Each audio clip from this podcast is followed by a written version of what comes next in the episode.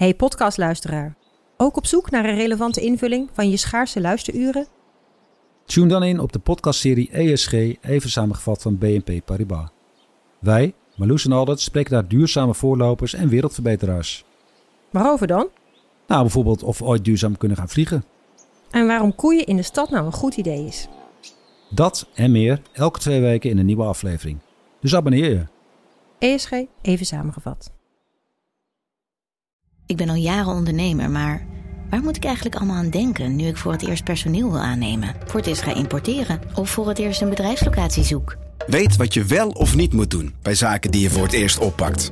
Check kvk.nl voor praktische stappenplannen.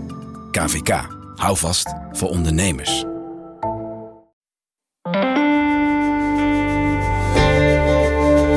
NRC Vandaag is met zomerstop tot maandag 7 september. In de tussentijd kijken we elke zondag met een van onze redacteuren terug op een spraakmakende aflevering van afgelopen seizoen. Vandaag Jan Meijers met de televisieambities van Taghi's moordmakelaar. Hey Jan, we hebben met jou verschillende verhalen opgenomen over het circuit rond Ridouan Taghi, de ja, grootste drugscrimineel van Nederland op dit moment. En waarom uit dat duizelingwekkend grote dossier rond Taghi sprong dit verhaal er nou zo uit voor jou? Kijk, ik vind uh, schrijven over misdaad vind ik leuk omdat het mij een. Ik leer een wereld kennen die ik niet ken. En dit combineert dan een aantal van die verschillende werelden. Dus je, je bedenkt je niet dat zeg maar, iets als, als rap en hip-hop en straatcultuur. Uh, dat dat zeg maar, hoort bij zoiets heel engs en zwaars als liquidaties en, en de, de meest erge vorm van georganiseerde misdaad die we kennen in Nederland. En dat blijkt dan allemaal samen te komen. En het is ook niet vaak, denk ik, dat een verhaal over een verdachte van liquidaties begint met die persoon als muzikant aan tafel bij De Wereld Draait Door. Nee, deze man heeft bij Matthijs van Nieuwkerk aan tafel gezeten, is onderwerp geweest van een grote documentaire. Uh, dus allemaal dingen die je als je nu weet waar die nu staat, in hindsight niet zou bedenken. Hè? Dus als je, als je met de wetenschap van nu zou zeggen: van, nou, het is een hoofdverdachte in de strafzaak en die, die wordt verdacht van een serie liquidaties. En je fantaseert er dan bij van wat zou zijn verleden kunnen zijn. En je schrijft het allemaal op. Is echt iedereen. Ja, ja kom op joh. Dat is, dat is toch niet geloofwaardig. Als je gewoon dit als filmscript maakt. Nou dan, dan geloven mensen het niet. Dus dat zit allemaal in de persoon van die kilo. En dat maakt dat gewoon tot een ontzettend fascinerend verhaal. Vanaf de redactie van NRC het verhaal van vandaag. Mijn naam is Thomas Rup.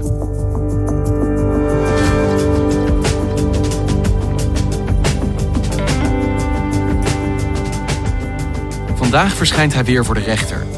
Delano R. In verband gebracht met moorden in de kring van topcrimineel Ridouan Taghi. Maar Delano heeft nog een andere kant. Onder de alias Kilo schuwde hij de spotlights niet en werd hij het gezicht van de Nederlandse gangcultuur. Maar criminaliteit gedijt in de schaduw. Ging Kilo ten onder aan zijn eigen roemzucht.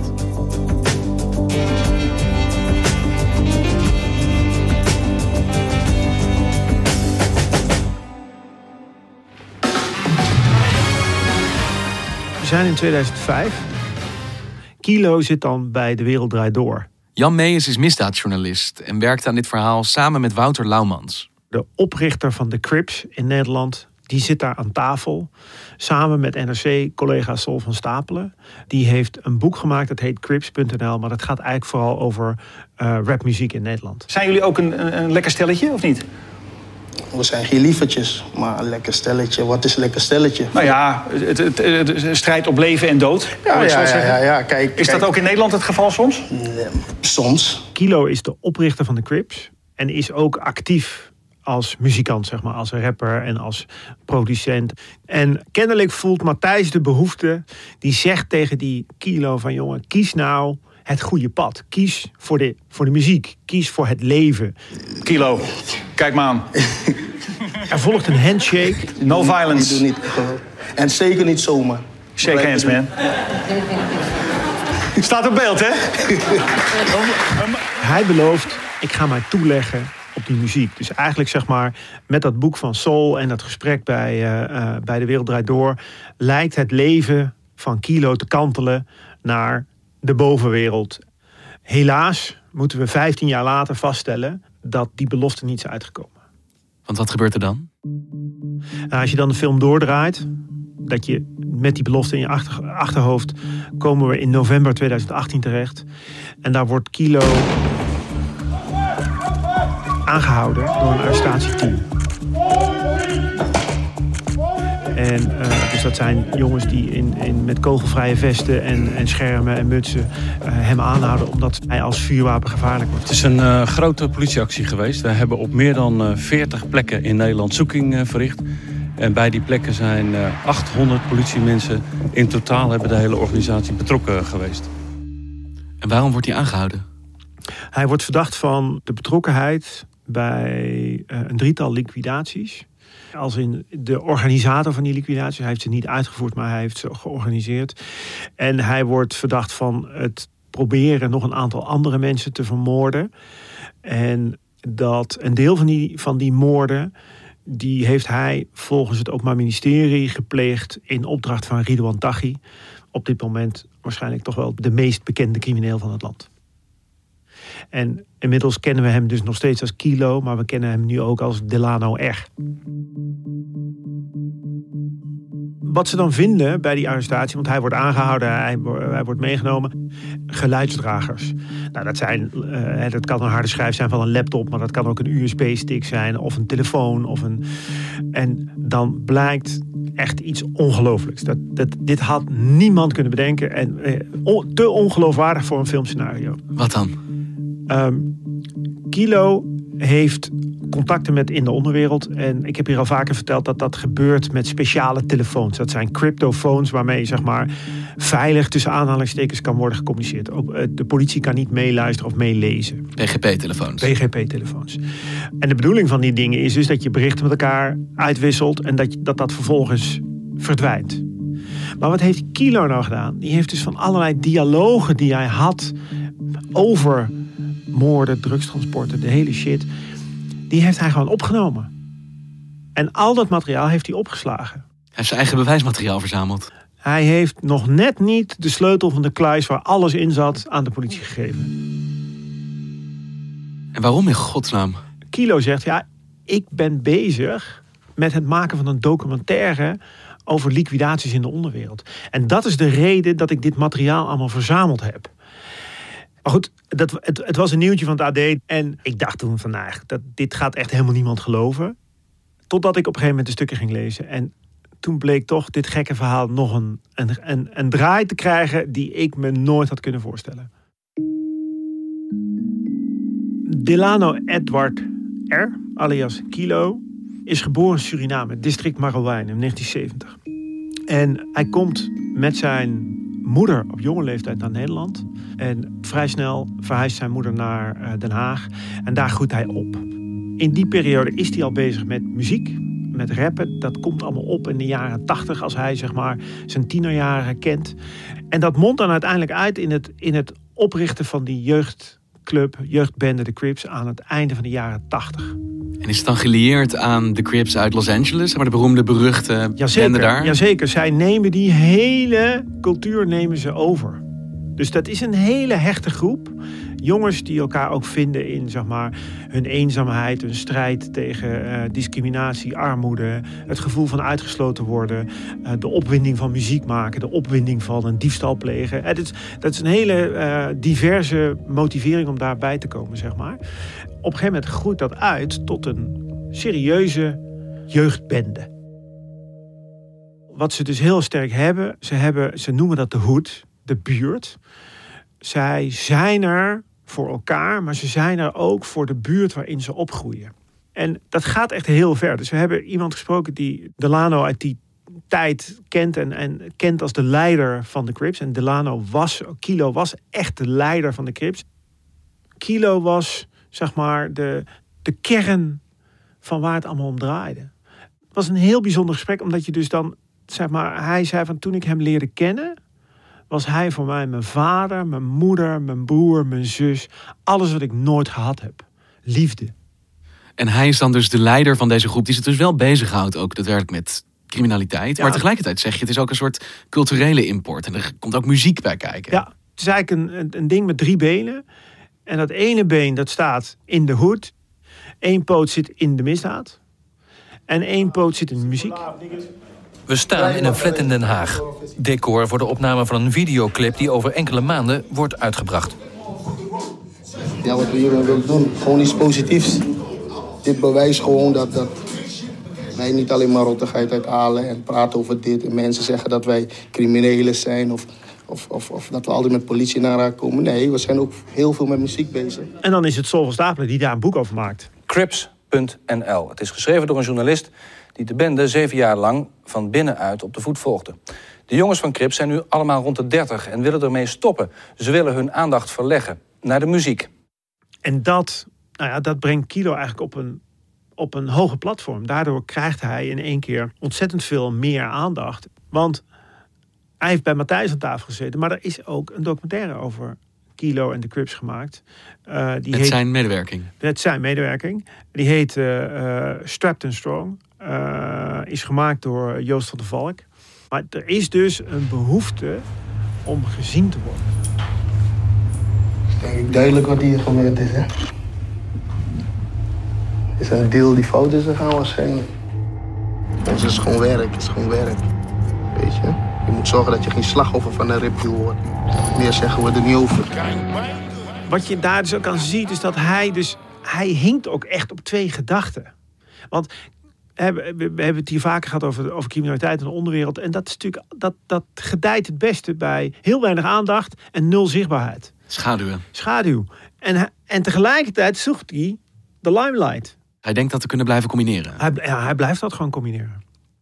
Maar er zijn ook mensen die, die zeggen van als hij die misdaad had, had kunnen laten gaan en, en alles wat daarbij hoort kunnen laten gaan en echt had gekozen voor de muziek, dan was het een, een succesvolle muzikant geworden. Of dan was hij een succesvolle producer van uh, muziek geworden. Maar je ziet dus dat in het hoofd van Kilo het een niet zonder het ander kan. Het is, voor hem is het één. En die duistere kant van zijn identiteit, die criminaliteit, hoe ontwikkelt hij daarin? Hij wordt op een gegeven moment uh, aangezocht door een andere crimineel die vastzit in de baai is. Om hem uh, te bevrijden. En dan zetten ze een bevrijdingsactie op met een, uh, met een helikopter. En dat lukt bijna, maar het, op het laatste moment valt het hele plannetje uit elkaar. Nou, dan wordt hij aangehouden en dan moet hij serieus de bak in. Komt, wordt hij voor ja, vijf, zes, zeven wordt hij veroordeeld. Dus dan zit hij een, echt een, een, een jaren in de gevangenis. En de belangrijkste stap, zo wordt ons verteld, is de moord in de Bijlmer in 2012 op een van de jongens uit de harde kern van de Crips. Die wordt dan doodgeschoten. En dat is een soort van confrontatie met de meest extreme vorm van geweld in de wereld waarin zij leven. En het lijkt erop, en ik, ik zeg dat nadrukkelijk met, met lijken, omdat we dat ook gewoon niet zeker weten. Maar je, het lijkt erop dat dat ook een moment is dat zeg maar, een soort van waterscheiding is. En dat, dat er dan ook gekozen wordt voor het echte harde, zware criminele leven. En dan haken ook een aantal jongens af. Die zeggen gewoon, ja, maar hey, weet je, sorry Kilo, dit wil ik niet. Want dit is niet langer koketteren met een gangsterleven, dit is, dit is gangsterleven. een gangsterleven. En dat is waar Delano R. Kilo voor kiest. Daar kiest hij dan voor. En dan wordt Kilo ook benaderd door mensen uit de onderwereld. Je ziet op een gegeven moment zo aan het begin van het vorige decennium, zo 2010, 2012, dan zie je allerlei criminelen in het milieu steun zoeken bij uh, motorclubs. Hells Angels bijvoorbeeld. Hells Angels zijn daar onderdeel van. En nou goed, er wordt op een gegeven moment wordt No Surrender opgericht. Uh, Satudara wordt steeds groter. En dan komen ook allemaal kleine clubjes. En daar komt Kilo mee in contact. En dan zie je dus eigenlijk dat hij, zeg maar, langs zo'n route wordt hij, zeg maar, de echte zware georganiseerde misdaad ingeleid, ingetrokken. En in 2016 richt hij zijn eigen motorclub op. Die heet Calawago. En uh, dat is eigenlijk een soort van samengaan van zijn oude Crips organisatie of vrienden met een groep uh, woonwagenbewoners uit het Rotterdamse. Uh, die stond bekend als Trailer Trash. En zij vormen dan samen Calawago. Hij trok altijd op met mensen die hij heel goed kende. En toen kwam hij in één keer, kreeg, kreeg hij te maken met mensen die allemaal ook een carrière hebben gehad in het criminele milieu, maar die helemaal niks hadden met de andere kilo, zeg maar. Die andere twee eh, dingen in zijn leven. Ja, en dan zien we helaas voor Kilo en de mensen om hem heen dat hij zich, dat hij uiteindelijk gewoon in de wereld van eh, de liquidaties terechtkomt. Waar leidt dat uiteindelijk toe? Nou, dat leidt naar een, uh, een parkeerterrein bij het station in Breukelen in de zomer van 2017. En dan wordt daar een relatief bekende onderwereldfiguur doodgeschoten en die heet Jair Wessels. Wat gebeurt? De vluchtauto en het wapen waarmee die, die moord is gepleegd, die worden teruggevonden. En in eerste instantie vinden ze daar DNA-materiaal op en dat leidt naar de twee vermoedelijke schutters. En wat blijkt dan? Zijn DNA zit ook op het wapen waarmee die Jair Wessels is doodgeschoten. Een van de betrokken schutters wordt aangehouden en die besluit: ik kom hier niet meer uit, ik word kroongetuige. Dus die sluit een deal met het Openbaar Ministerie en die gaat verklaren over alles wat daar binnen Calawago aan de hand was. Deze kroongetuige wijst naar Kilo. Ja, deze kroongetuige wijst naar Kilo, bekend zijn eigen rol bij de moord op Jair Wessels en verklaart Kilo kreeg opdrachten van Ridwan Taghi. Nou, dan vinden ze dus al dat materiaal, al die harde schijven met al dat beeldmateriaal. En dan gaan ze in dat materiaal puzzelen. Ik heb uh, toegang gehad tot een, een stukje van, zo'n, van dat onderzoek. En dan komen dan in die PGP-communicatie... dan komen de meest waanzinnige bijnamen voorbij. Ik zal er een paar voorlezen. Ja. Enemy for all motherfuckers. Ticket to hell for motherfuckers. Heaven and hell for my enemies. Act of war. Angel of dark. Up to next. Just getting started. En Highway 2. Pandora's box is open. Dit zijn allemaal bijnamen die in die gefilmde PGP-communicatie voorkomt. En dan is dus voor de politie de vraag: wie gaat er schuil achter deze bijnamen? En dan een lange analyse leidt uiteindelijk toe de conclusie, en dat is een conclusie van de politie, dat, dat zal moeten blijken of dat, hè, of dat ook stand houdt echt. Dit zijn allemaal bijnamen van Ridwan Taghi. En dan is een van de mensen met wie Taghi communiceert, is dus Kilo. En zijn bijnaam is Sea Murder. Ik vraag me af, wat moet iemand als Ridwan Taghi nou met zo iemand? Dat is toch een gevaar om iemand met zoveel aandachtswellust voor jou te laten werken? Ja, dat klopt. En om maar gewoon dan met de deur in huis te vallen. Ik heb heel lang gedacht dat verhaal over die documentaire, dat kan niet kloppen. Dat hij bewijs verzamelt, gevoelige Ja, filmpjes precies. en foto's Ja. maakt voor een documentaire. Maar goed, dan op een gegeven moment is, vindt de politie een dialoog tussen C. Murda, wat dus Kilo is, en Last Man Standing, wat volgens de politie Ridwan Taghi is. Ik ben benaderd door Amerika. Ze willen mij als host voor een crime-serie.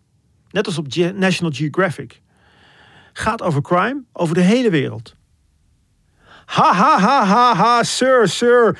U weet, dat is heel fout als u echt door wil gaan in dit wereld. Niemand gaat u serieus nemen. Iedereen gaat u kennen, sir. U weet, wij praten niet.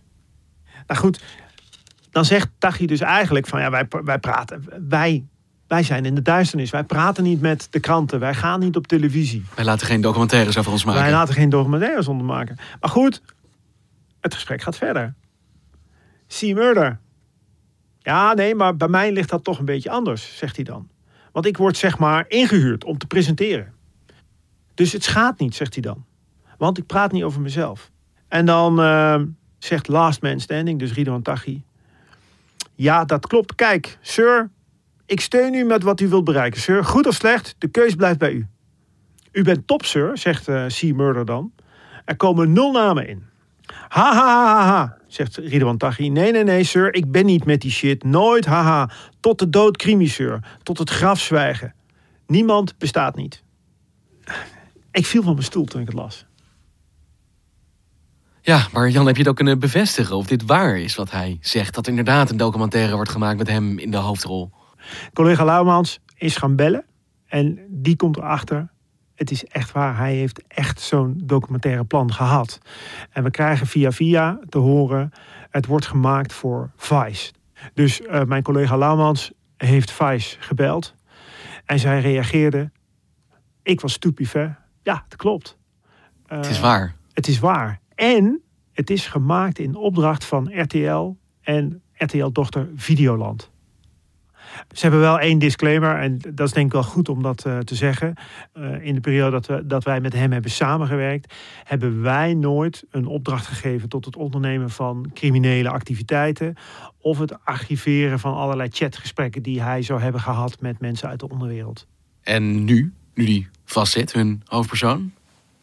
Ja, het is, het, ze hebben het stilgelegd. Dus op het moment dat uh, Delano uh, eind november of in november 2018 werd aangehouden, is het project stilgelegd en is er nooit meer wat van geworden. Kijk, als je met criminologen erover spreekt, dan is dit ook wel. In een aantal opzichten raakt het ook de kern van waarom het vaak fout gaat. Die jongens die, die voelen zich niet gezien. Ze voelen zich niet gewaardeerd. Groeien op onder omstandigheden die op zijn minst slecht te noemen zijn.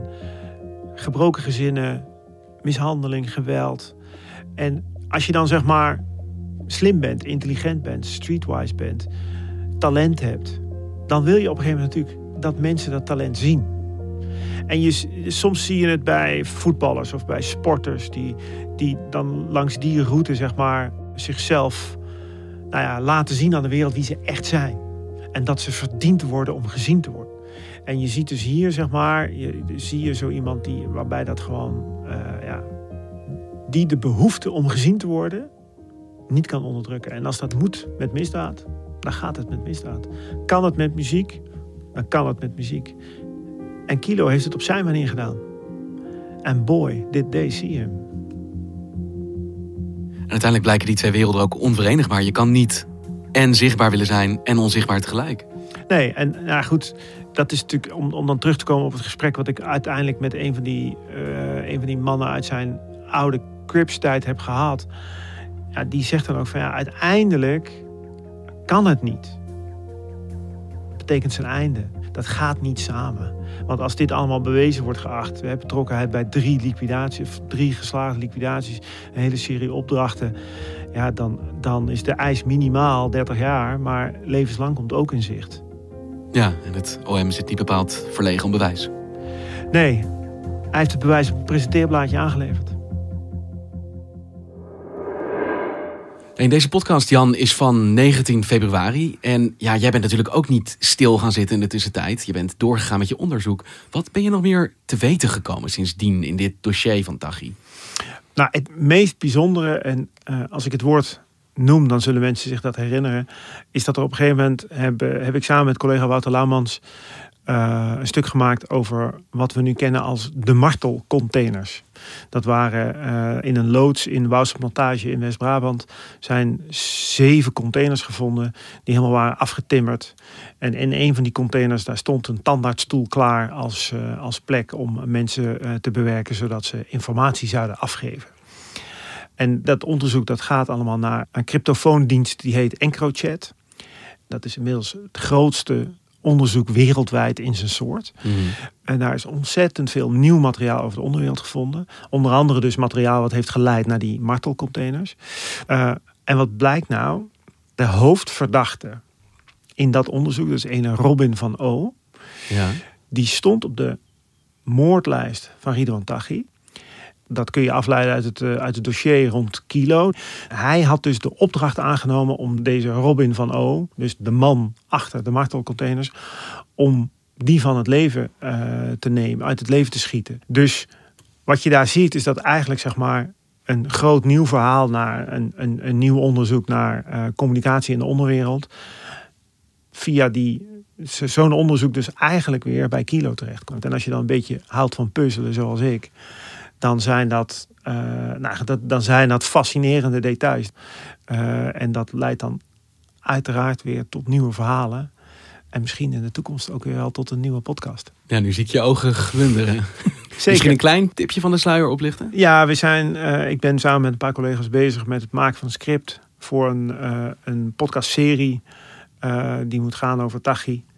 En de groep mensen om hem heen. En de leidraad is uh, de criminele carrière van Taghi. Uh, zoals het Openbaar Ministerie die nu uh, aan ons schetst. Maar daarnaast proberen we ook zeg maar, de, de wat meer de maatschappelijke achtergronden van fenomenen als drugshandel en georganiseerde misdaad daaraan te koppelen. Om zo een, nou, zodat, je, zodat dat het leuk is om te luisteren, maar ook stemt tot nadenken. Jouw eigen Taghi-podcast. Ja, we hopen allemaal dat dat ergens in het najaar te beluisteren zal zijn. Succes daarmee, Jan. Dankjewel.